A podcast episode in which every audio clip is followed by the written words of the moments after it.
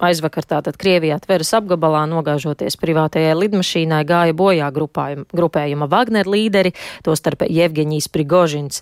Visticamāk rīkojumu nogalināt Prigožinu deva Vladimirs Putins, atriebjoties par militāro dumpi Krievijas teritorijā, ko precīzi pirms diviem mēnešiem uzsāka Prigožins.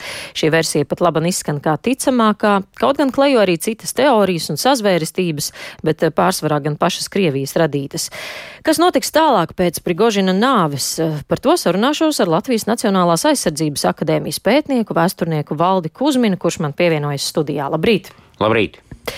Kā jūs prognozējat situācijas attīstību? Kas tālāk būs ar Wagneru?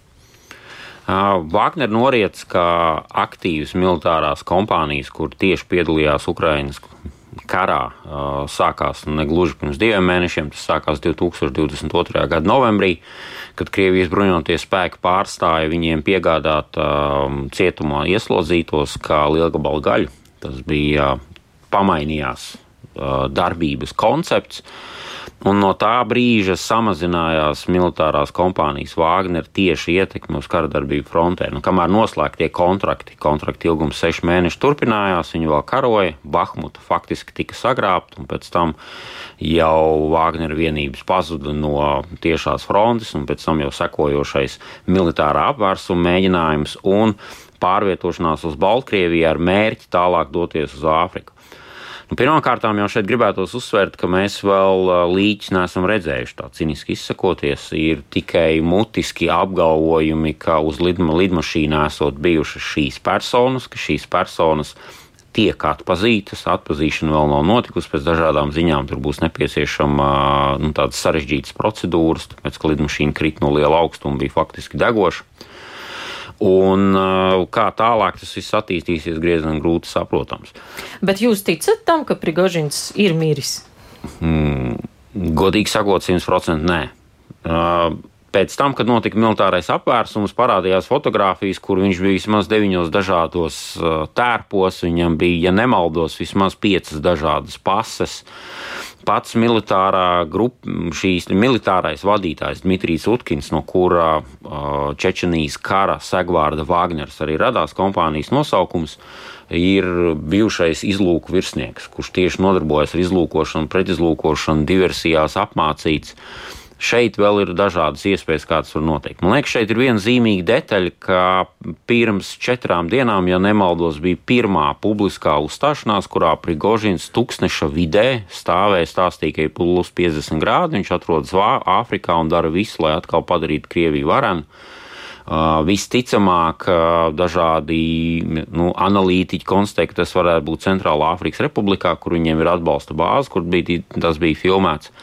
Un šajā gadījumā tas man liekas ir tāds zīmīgs moments, ka dienu pēc šīs publiskās uzstāšanās parādās informācija, ka Prigožins ir gājis bojā, lidmašīna ir notriekta, uzsprāgusi, neskas ar viņu tur ir noticis. Un Vladimiram Putinam ir tāda īpatnība, viena no daudzajām, diemžēl, asiņainajām īpatnībām, ka viņš savus, savu personīgo pretinieku vārdus neļauj nevienam izrunāt. Aleksējs Navaļnīs ir tipisks piemērs, kurš kādu brīdi kļuva par tādu kā Voldemortu, kuru nevarēja saukt pat tiesā, nevarēja viņu saukt vārdā, uzvārdā. Viņš tika dēvēts dažādos šādos vārdos. Tad, kad divi mēneši atpakaļ notika apvērsums, tas pats notika arī pri Gožinu. Viņu vairs nesauca vārdā. Kāpēc tā? Viņš ir izskatās, ka Vladimirs Putins ir apsēsts ar šādu tēla veidošanas un tādas PR uh, veidošanas tādām stratēģijām. Ja tu nepiemini cilvēku labā vai sliktā nozīmē, viņš pazūd, viņa aizmirst, viņš savā veidā tiek iznīcināts. Un to un, viņš šobrīd mēģina inscenēt ar Prigožinu. Ja viņš to noteikti teikt. mēģināja inscenēt divu mēnešu atpakaļ, kad televīzijas ziņās viņa pārtrauca saukt vārdā uzvārdā. Viņas dēvēja pa dažādiem vārdiem. Un o, divus mēnešus par viņu nekur nekas nebija zināms. Viņš publiski parādās, un tad viņš atkal pazūd, bet šoreiz jau uzsprāgušas lidmašīnas formā. Šeit ir divi varianti. Vai nu viņš ir, vai nu viņš ir nogalināts, vai otrs variants viņš, viņš tiek, viņam tiek dots mājiens, vai tiek noslēgts vēl viens līgums, ka viņš pazūd, bet šoreiz pilnīgi un galīgi neatgriežami pazūd no publiskās vides. no publiskās telpas. Un tas, manuprāt, ja mēs runājam par nākotnes scenārijiem, kur ļoti nepateicīgi viņus ir prognozēt, tad šis gadījums varētu būt tieši noteikts, ka Prigožins ir pazudis vienalga dzīves vai miris, mēs viņu vairs neredzēsim ne pie Baltkrievijas no robežas, ne Tuksnesī, ne Krievijā, ne Ukrainā. Tāpat kā Dmitrija Utkina un visus pārējos šos cilvēkus, kas bija uz lidmašīnas, dzīvi vai miruši, viņi vairāk nebūs Krievijas publiskajā telpā, un viņi arī nebūs arī reālās kara darbības, nu, tādas redzamās kara darbības daļas telpā, kur viņš, kā mēs zinām, bija pāris mēnešus atpakaļ, kad viņš stāv pie līķa kaudzes un izsaka pārmetumus Krievijas aizsardzības ministram, mm. un tādu šo mēs vairāk neredzam redzēsim.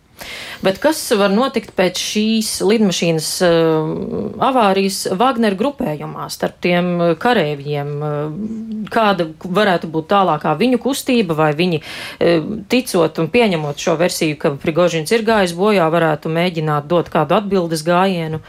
Nē, nekāds atbildes gājiens vairāk nav iespējams. Atbildes gājiens viņu, viņiem bija viena iespēja šī iespēja bija divi mēneši atpakaļ. Uh, sākās militārais apvērsums, kas uh, ne ar ko nebeidzās.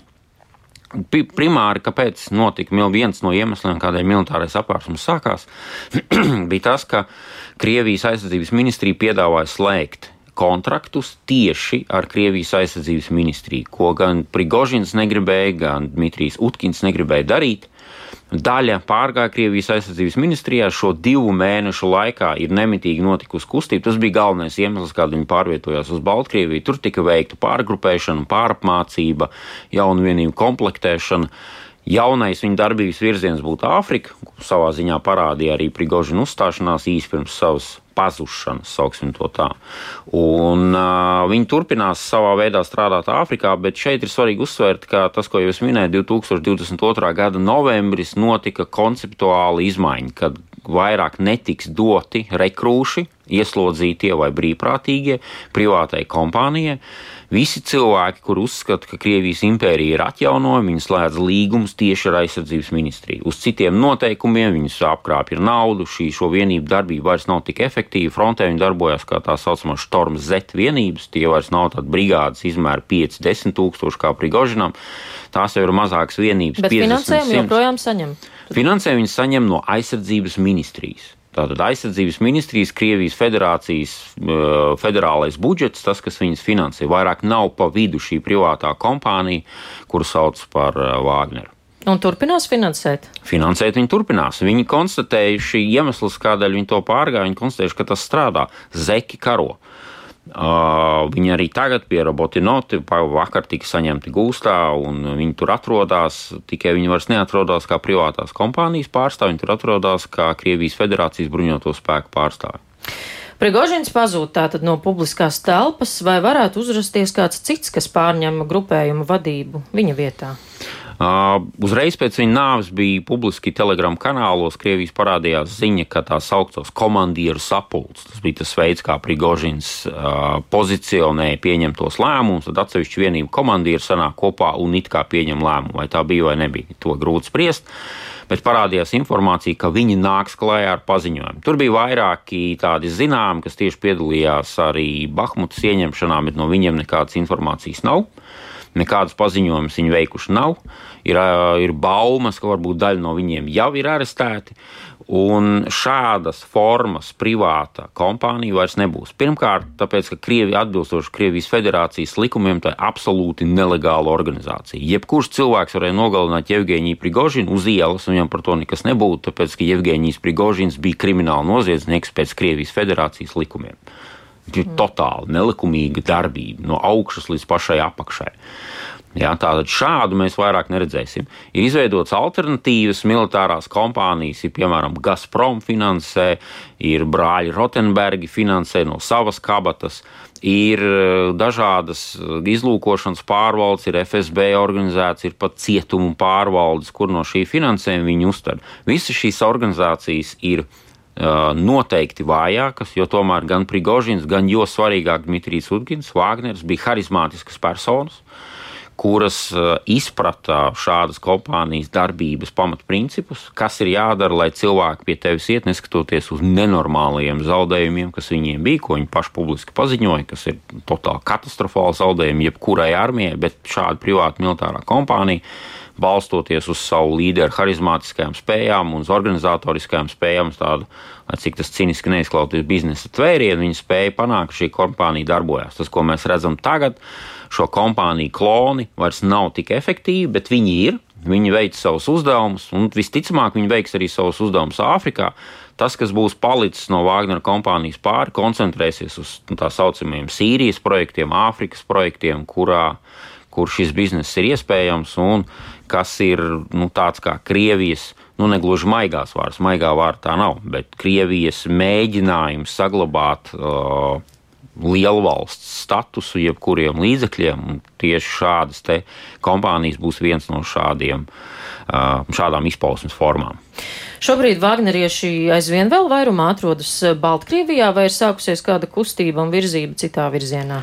Vakar tika publicēti satelītu uzņēmumi no lielākās bāzes, kur jau pāris nedēļas pirms Vāgnera publiskā paziņojuma, ka viņš atrodas Āfrikā, bija redzams, ka teltis tiek novāktas. Tāda bija liela nometne, tur bija vairāk, ja nemaldos, 50, varbūt pat līdz 100 lielām teltīm smukās rindiņās sabūvēts, ka šīs teltis tiek montētas nost un cilvēki no turienes dodas prom. Kurā Spek virzienā? Spekulācijas no tā bija, ka visticamāk tā ir Āfrika. Visticamāk, ka tā ir Āfrika, kur, šie, nu, kur pats arī Prigožins bija, un no kurienes viņš ieradās Krievijā, un tad pēc tam no Maskavas devās virzienā uz Sanktpēterburgu un tad pazuda. Un ar to saistās arī dažādas spekulācijas, ko viņi tur darīja, ko viņi tur nedarīja. Tur pie Latvijas robežas, Latvijas robežai no visām šīm kustībām nebija nekāda ietekme, izņemot nedaudz Baltijas valstu mēdīju telpā un arī Latvijas, kur tāda, ne, nesaukt to par paniku, bet tāda uh, pastiprināta Nevajadzīgi pastiprināt uzmanību uz šo bija vērsts, jo nekādi draudi no tā nevies. Vēl jau vairāk. Nu, arī skaits. Lukašenko piepalīdzēja ar visādiem paziņojumiem. Lukašenko ar paziņojumiem vakar viņš, piemēram, apsveica Ukrainu neatkarības dienā ļoti, ļoti plašu paziņojumu, kur atkal kā to saprast, ko tur darīt. Nu, labi, ka viņš nerādīja, ja varbūt žēl, ka viņš nerādīja kartes, no kurienes būtu uzbrukums Baltkrievijai un tā tālāk, kā viņš to darīja pirms pusotra gada. Kā viņa paziņojumi vairs nav ņemami par pilnu nekādā veidā un formā. Un Vāgnerā šīs privātās kompānijas paliekas, uz kurien viņi dosies. Liela ticamība, ka liela daļa no viņiem ir profesionāli karotāji, šādi algotņi, šī vārda tādā klasiskā, varbūt pat varētu teikt, jauno laiku, 17. gadsimta izpratnē. Paši viņi sev uzrunā paši viņi sev dēvē par, par pirātu, kā džentlmeņu kompāniju, viņi atradīs vietu, kur turpināt savu asiņaino, lai tik tas cīniski neizklausītos, biznesu. Diemžēl arī Ukraiņas teritorijā. Bet, kas attiecas uz mums un uz mūsu robežu, mums situācija kā mainās? Būs vieglāk ar Baltkrievijas robežu vai joprojām? Mūsu robežas sāsinājums turpinās, ja es cik ir, man nav tādas tieši informācijas no robežas, bet tas, ko es redzu masu mēdījos un uh, publiskos paziņojumos, ka spiediens uz robežas, Baltkrievijas, Latvijas robežas ar uh, mākslīgi radītu migrantu, kuri no Āfrikas uz šejienu ierodas no daudzām dažādām valstīm. Un, kā es saprotu, pēdējā laikā viņi ierodās no valstu lokus, ir paplašinājies. Tad spiediens saglabājās diezgan augsts ar iespējamību, ka viņš var drīzumā palielināties, paliek augsts, kaut kur viņiem jādodas Tātad modrību nedrīkst zaudēt. Jā, bet jābūt... tas nav tieši saistīts ar Vāgnera kompānijas došanos mm. uz Baltkrieviju vai došanās no Baltkrievijas vai Vāgnera kompānijas vadības grupas pazušanu. Tas ir cits process, un viņi tikai saistīti var būt tas, ka tas notiek Baltkrievijā. Jā, nu, paldies par sarunu šorīt. Mūsu studijā bija Latvijas Nacionālās aizsardzības akadēmijas pētnieks, vēsturnieks Valdis Kusmins.